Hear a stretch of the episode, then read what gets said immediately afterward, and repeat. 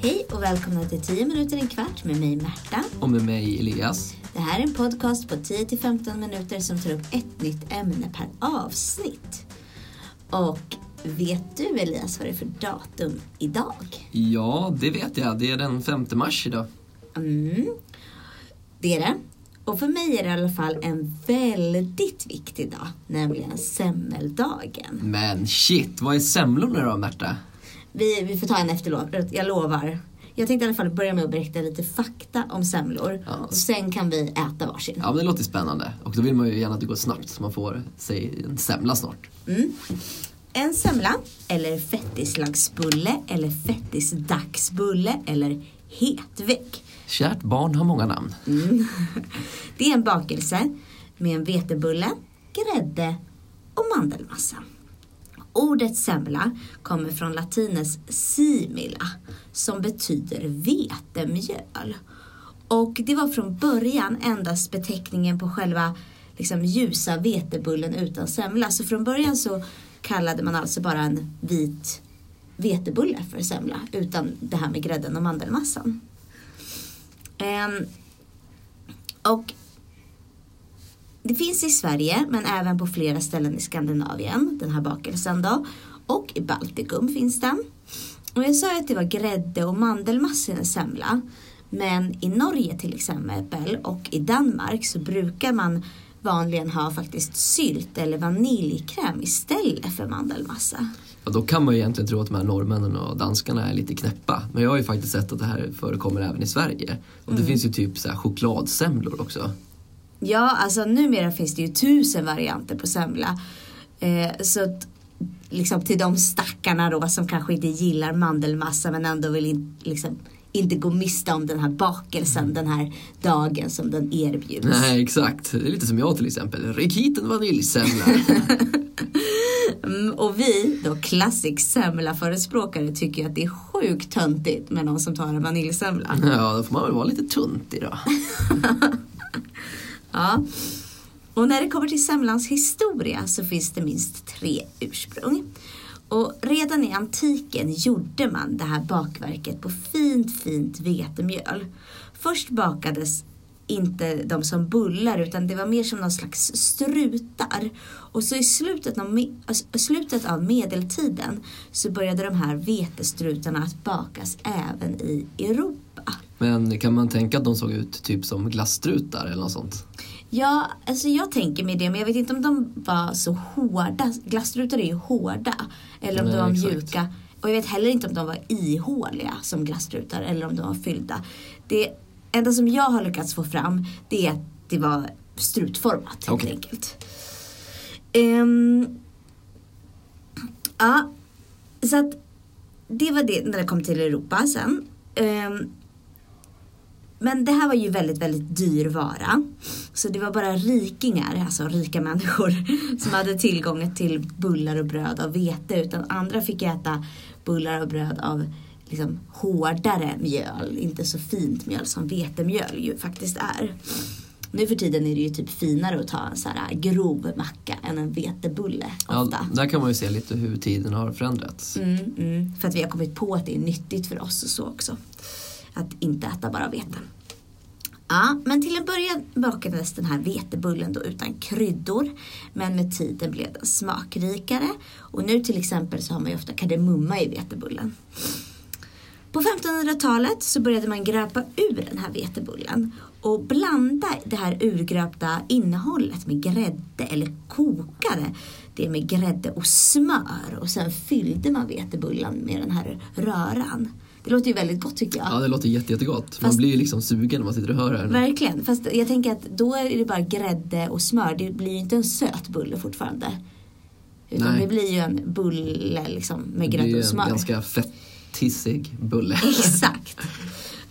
Eh, sen när man började använda mandel också i Nordeuropa så började man blanda innehållet med grädde och mandel. Men det är fortfarande inte sött-sött så som det är idag.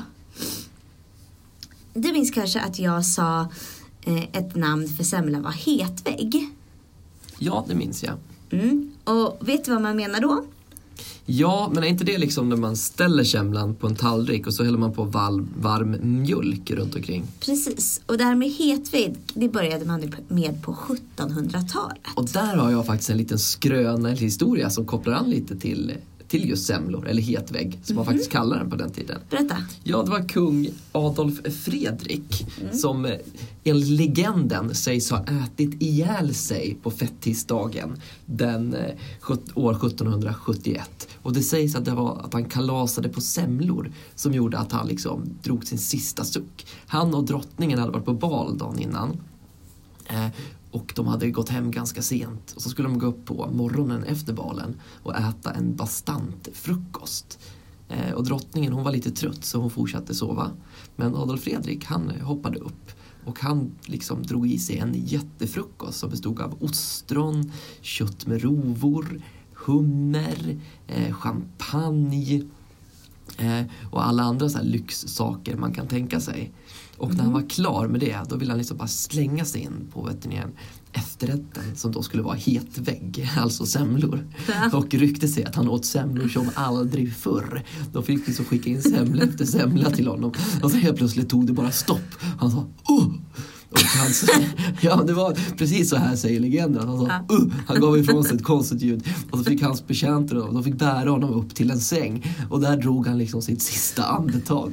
Så att semlor, man får vara lite försiktig också med hur mycket man trycker i sig. Men jag tror inte att det är så många som lyssnar på den här podden som har grundat frukosten med ostron och humrar och champagne och sen liksom Äh, ett gäng hetväggar, alltså semlor i mjölk. Ja, och det är ospecifikt hur många hetväggar han drog i sig. Men det ska vara ett stort antal. Ja, det man får komma ihåg nu är att det här är en skröna, eller hur? Det är inte Ja, säkert att det vi är sant. vet inte hur sant det är. Nej. Men det kanske det brukar ligga någon slags sanning bakom sådana här historier ändå.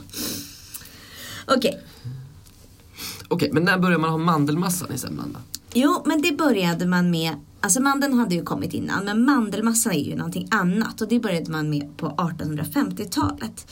Eh, men man serverade fortfarande den här semmelbullen i varm mjölk, alltså en hetvägg. Lite senare, mot slutet av 1800-talet, började man kombinera mandelmassan med grädde och det var väl då som det som vi idag kallar för semla uppkom. Och nu för tiden i Sverige så består semlan vanligen av en söt vetebulle. Man har ju, från början var det bara vetebulle och nu har man ju lagt till kryddor, eh, kardemumma till exempel. Eh, och också socker i degen. och sen så sk- skär man av locket och eh, så pudrar man på florsocker på locket. Mm, det är väldigt gott tycker jag. och sen så har man fyllningen då med mandelmassa och vispad grädde. Men det förekommer ju också wienersemlor, det här pratade vi om lite tidigare. Olika typer av semlor. Wienersemlor där själva bullen är ett wienerbröd. Men då tänker jag att då får det ändå vara en semla för det är ju vetemjöl Ja fortfarande. men exakt, för det var ju det semla betydde ju. Exakt, för det kommer ju av det här latinska ordet som betyder vetebulle. Ja men sen på senare tid har ju massa konditorier lanserat nya varianter av semlor. Ja. Alltså som kan vara en kombination av en semla och ett annat bakverk. Alltså som en semmelwrap eller prinsessemla eller muffla. Som är någon blandning av muffins och semla eller kremla. Kringla och muffins. Och lång- Kringla, kringla och semla. Kringla och semla ja. Och semmeltårta och allt det där. Ja. Men kan man kalla det för semla då tycker du? Men jag tycker, om semla nu betyder vetebulle, eller kommer från det ordet, så är väl det allting som har med en vetebulle att göra. Men nu har jag också sett raw food semlor till exempel. Ja det kan ju inte vara en semla. Nej, för i raw food är det ju väldigt lite vetemjöl. Det är Ja. ofta Ingenting va? dadlar och sånt. Ja. Nu eh, vet inte jag så mycket om raw food uppenbarligen. Nej. Men, eh, och även sån här chokladsemmel, liksom taco har jag sett typ som att det är som ett tacoskal av choklad och så är det grädde som kallas för semla, bla bla bla. Men Alltså ja, man får ju självklart kalla saker vad man vill. Ja. Men vi, vi vill bara vara lite så här lärarpetiga här. Exakt, det är det vi vill. Precis det vill vi. Ja. Ska vi ta och sätta stopp där då? Ja, det tycker jag. Ja, och då ska vi tacka för oss. Och vi som har gjort den här podden heter Elias och Märta. Och den är gjord i samarbete med vikarielärare. Till den här podcasten finns det jättemycket arbetsmaterial som ni kan använda innan, under och efter ni lyssnar på den här podcasten. Det materialet hittar ni på Kunskapsbank som finns på vår hemsida på www.vikarielärare.se och inloggningen till, vikarie, till Kunskapsbanken är vikarielärare med litet v. Ni kan också hitta den här podcasten på iTunes och i våra sociala flöden. Vi finns på Facebook som vikarielärare. Gå in och gilla vår sida. Och så finns vi på Instagram som vikarielärare. Gå in och följ oss där. Tack så mycket! Tusen tack!